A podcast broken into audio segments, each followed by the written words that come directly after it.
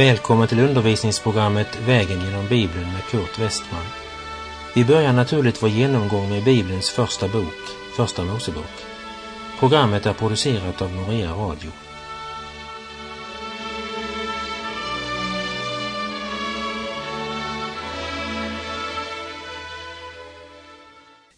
I det förra programmet avslutade vi kapitel 2 i Första Mosebok som visade att människan var nära besläktad med sin skapare och Gud. I kapitel 2 så mötte vi teman som skapandet av människan, jorden där de placeras, deras uppdrag att sköta och vårda skapelsen, villkoret att han är där under ett ansvar, hans behov av en kompanjon och slutligen skapandet av kvinnan. Därmed har vi nått fram till det tredje kapitlet i Första Mosebok. Ett kapitel som av många med rätta betraktas som ett av de viktigaste kapitlen i hela Bibeln. Dr. Griffith Thomas, han kallade kapitel 3 för Bibelns axel. Det centrum omkring vilket det hela rör sig. Och om du vill bilda dig en egen uppfattning så kan du först läsa kapitel 1 och 2 i Första Mosebok. Så hoppar du över kapitel 3 och läser kapitel 4 till och med 11. Då kommer du att upptäcka att det blir ett otroligt vakuum som verkligen behöver fyllas. Det är något som har hänt som saknas. Till exempel i kapitel 1 och 2 så finner du människan i sin oskuld. Och det är gemenskap mellan Gud och människa. Men i det ögonblick du börjar läsa i kapitel 4 till och med kapitel 11 så finner du svartsjuka, aggression, mord, lögn, ondska, korruption, uppror och dom. Och frågan blir, varifrån kom allt detta? Hur började det? Från vilken källa kom synden? Jag tror inte att det är syndens ursprung som beskrivs i kapitel 3. Men när det gäller människan var det här det började. Låt mig citera för dig ett uttalande som en annan har gjort angående kapitel 3. Här finner vi tillbaka till själva källan till de många floderna med absolut sanning. Här sker det stora drama på scenen av mänsklighetens historia och som har pågått i nästan 6000 år och ännu inte är avslutat. Här finner vi den gudomliga förklaringen till det nuvarande fallna och förstörda förhållandet för hela mänskligheten. Här lär vi om den listiga uppfinnsamheten hos vår fiende djävulen. Och här får vi verkligen se människans totala hjälplöshet till att vandra på rättfärdighetens väg när hon har förlorat Guds nåd. Och vi upptäcker syndens andliga effekt. Människan försöker fly från Gud. Och här förstår vi Guds hållning och attityd till den skyldiga syndaren. Och här märker vi också den universella tendensen som den mänskliga naturen har att försöka dölja sin egen moraliska skam genom egen strävan, eget arbete, egen insats. Här får vi lära om Guds nådefulla ingripande för att möta vårt stora behov. Här börjar den otroliga strömmen av profetior och löften som går genom hela skriften. Här lär vi att människan inte kan närma sig Gud utan en medlare, mellanman. Kapitlet börjar med hur ormen sår tvivel om den värld som Gud har skapat. Och djävulen frestar människan att inte lita på det som Gud har sagt, alltså få henne bort från Guds ord. Första Mosebok kapitel 3 och vers 1. Men ormen var listigare än alla andra markens djur som Herren Gud hade gjort. Han sade till kvinnan, skulle då Gud ha sagt, ni ska inte äta av något träd i lustgården? Så uppstår frågan, varför denna frestelse? Vi går tillbaka till kapitel 1 och 2 så ser vi att människan är en oskyldig skapelse. Men människan är inte rättfärdig. Vad är rättfärdighet? Rättfärdighet, det är oskuld som har blivit prövad, försvarad och upprätthållen genom frestelse. Frestelsen, förstår du, den kommer antingen att utveckla dig eller bryta ner dig. Det är inget tredje alternativ. Edens lustgård var inget drivhus och människan ingen drivhusplanta. Karaktären måste utvecklas och den kan bara utvecklas genom att människan frestas. Människan var skapad till en varelse med ansvar, ansvar att förhärliga, ära, lyda, tjäna och stå under gudomligt herradöme. Människan har inte skapat sig själv. Jag tror inte det finns någon som hävdar det. Men hon blev skapad av Gud. Och de egenskaper Gud la ner i människan var inte tillfälliga. Han säger till människan, av kunskapens träd på gott och ont ska du inte äta, ty när du äter av det ska du döden dö. Det här var inte det enda trädet i lustgården som man kunde äta av. Det hade ju verkligen varit motsägande om de skulle ha svält ihjäl om de inte fått äta av det här trädet och så samtidigt fått besked om att de dog om de åt. Men det var en otrolig mängd av olika träd i lustgården som bar god och härlig frukt. Så människan behövde inte alls äta av detta träd. Och därför står människan fram på livets scen med ansvar. Här i första versen så blev ormen presenterad för oss. Och vi har orsak att fråga oss, var i all världen kom ormen ifrån? Hur kom han in i Edens lustgård? Så långt som vi känner till från Guds ord var inte ormen ett djur som krälade på marken och Bibeln säger inte något om hur han kom dit. Den bara berättar att han var där. Det är många saker som Guds ord inte ger oss detaljerna runt omkring. I det här tillfället var ormen en skepnad som djävulen kunde använda och så gjorde han det. Och är det inte samma metod han använder också idag? Paulus skrev till korinterna i Andra Korinterbrevet 11.14 Satan själv gör ju om sig så att han liknar en ljusets ängel.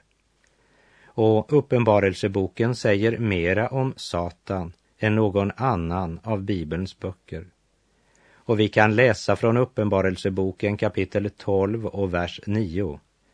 Den stora draken blev nedstörtad, den gamla ormen, han som kallas djävul och Satan, han som förleder hela världen. Han blev nedstörtad till jorden och hans änglar med honom. Denna skapelse var inte en krypande och slug varelse så som vi tänker på honom idag.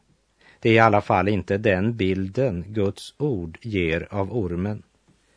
I Uppenbarelseboken 20, vers 2 står det Han grep draken, den gamla ormen, han som är djävulen och Satan och fjättrade honom för tusen år. Ormen är en skapad varelse med enorma möjligheter och stort potential. Men här i Första Mosebok så får vi ingen beskrivning om hans ursprung. Men jag tror att Jesaja kapitel 14 och Esekiel kapitel 28 ger oss denna varelses ursprung och också något om varför han blev den skapelse han var.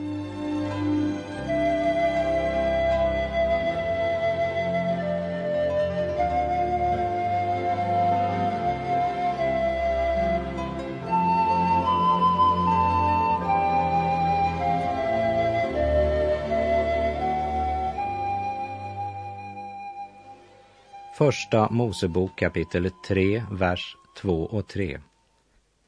Kvinnan svarade ormen, vi får äta av frukten på de andra träden i lustgården, men om frukten på det träd som står mitt i lustgården har Gud sagt, ni skall inte äta av det, inte heller röra vid det, så att ni inte må dö. Varför tilltalar ormen kvinnan? Varför vänder han sig inte till mannen? När Gud skapade Adam sa han till honom att han kunde äta av alla träd i lustgården utom detta träd. Kvinnan var skapad senare, så för henne var denna kunskap andrahandsinformation. Hon hade hört det av sin man. Och helt ärligt så tror jag att kvinnan var skapad mera finkänslig än mannen. Det vill säga, hon hade större medkänsla och var mera sympatisk i sitt väsen och betydligt mera öppen för förslag och idéer på gott och ont. Satan visste vad han gjorde. Lägg märke till vad han gör. Sättet han kommer på är mycket listigt. Han ställer henne en fråga som ska få henne att tvivla på Guds ord. Skulle då Gud ha sagt, ni ska inte äta av något träd i lustgården? Han visste mycket väl vad Gud hade sagt, att de fick äta av alla träd utom kunskapens träd. Och under sken av att vilja bekräfta vad Gud har sagt så sår han tvivel genom att säga något som Gud inte har sagt. Kan han bara lyckas att ge människan en fel gudsbild så har han egentligen vunnit hela striden. Och det är då bara en fråga om tid när fallet ska komma. Han sår alltså tvivel i hennes tanke och väcker hennes nyfikenhet och hon svarar att de får äta av frukten på alla andra träd i lustgården. Men så gör hon ett tillägg. Inte heller röra vid det. Och jag kan inte finna någon plats där Gud har sagt ni får inte röra vid detta träd. Vi läser vers 4 och 5. Då sade ormen till kvinnan, ingalunda ska ni dö.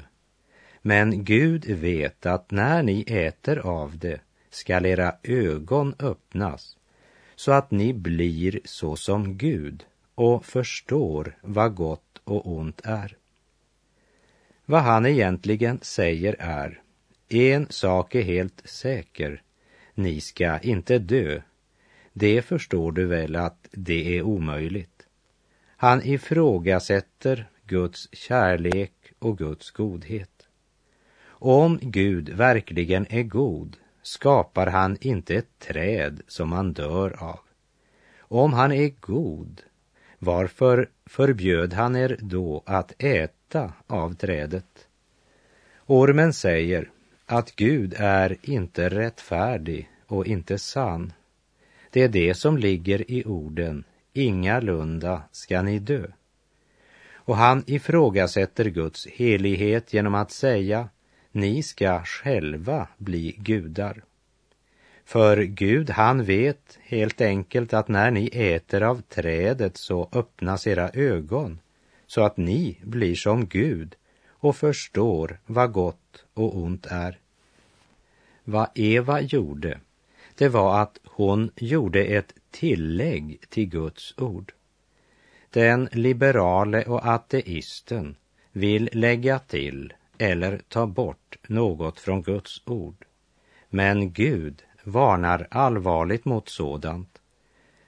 Så som någon också idag påstår att människan frälsas och räddas genom lagen.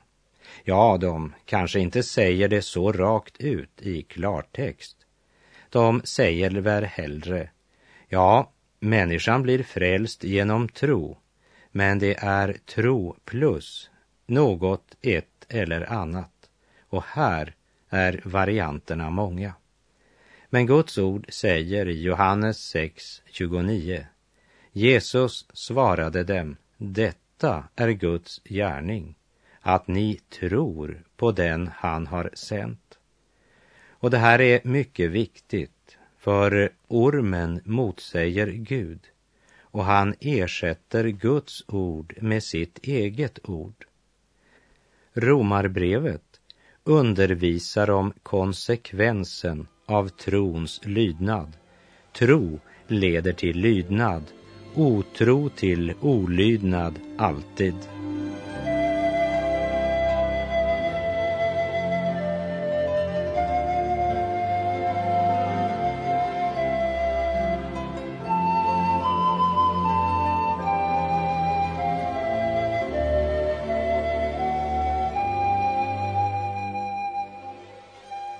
Första Mosebok kapitel 3 och vers 6.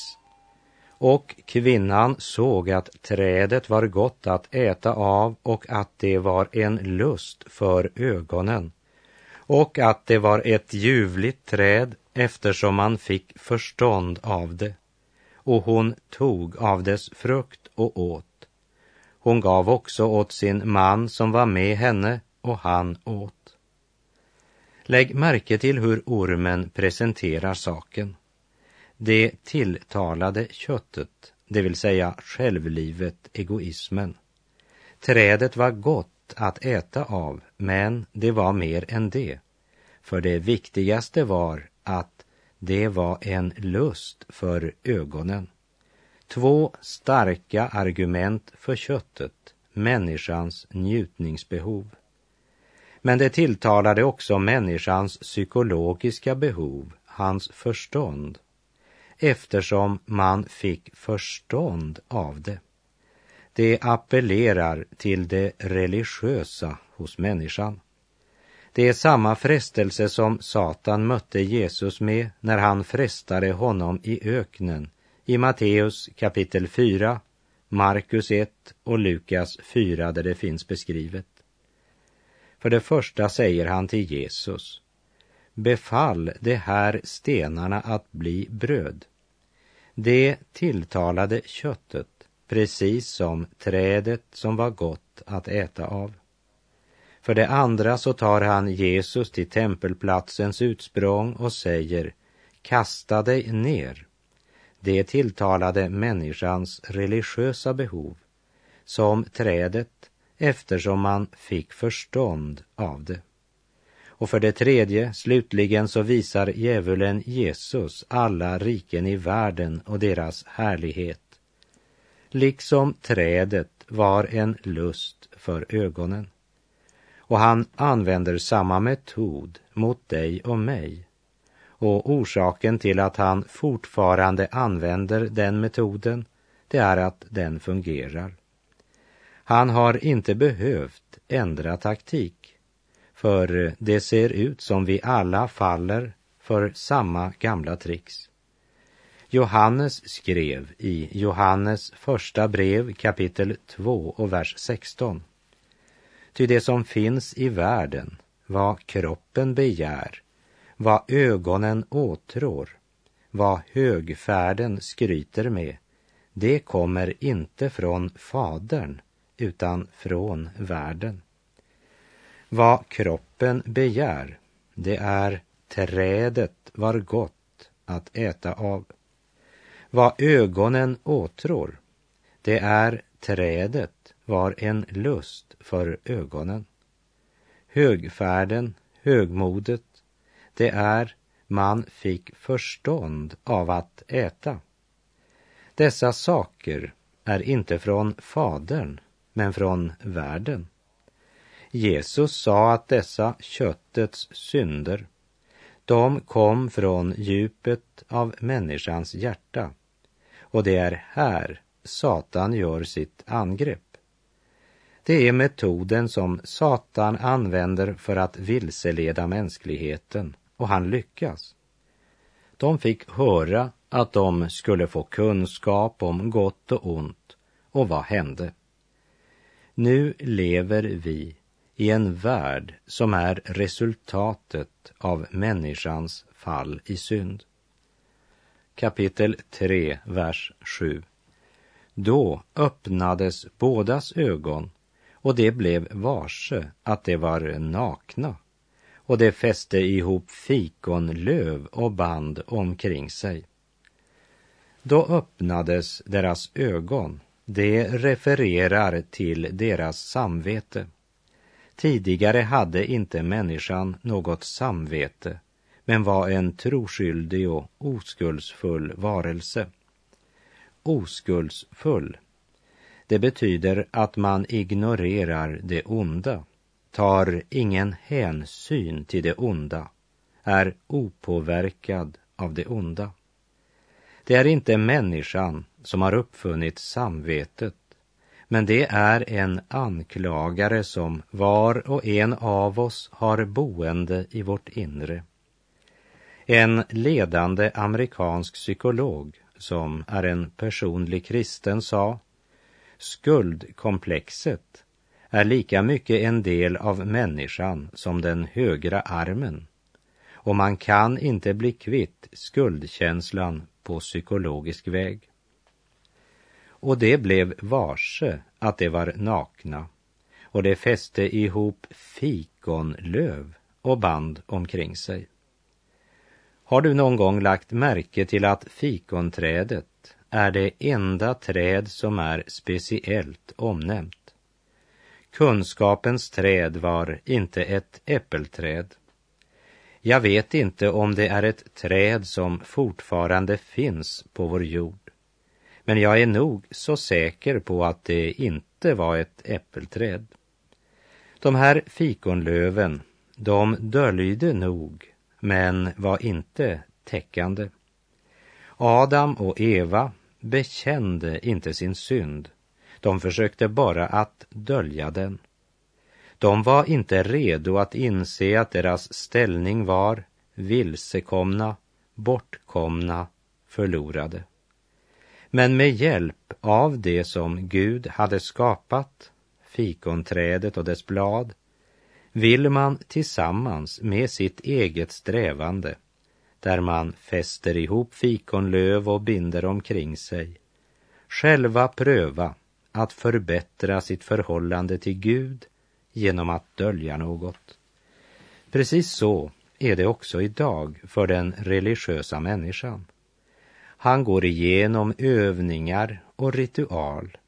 Han går med i kyrkor och friförsamlingar och blir verkligen religiös och är ofta väldigt aktiv.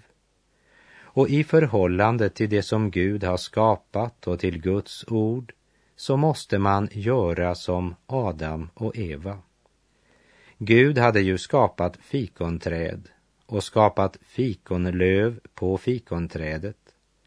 Men fikonlöven måste ryckas ut ur sitt rätta sammanhang för att människan ska kunna gömma sig bakom dem.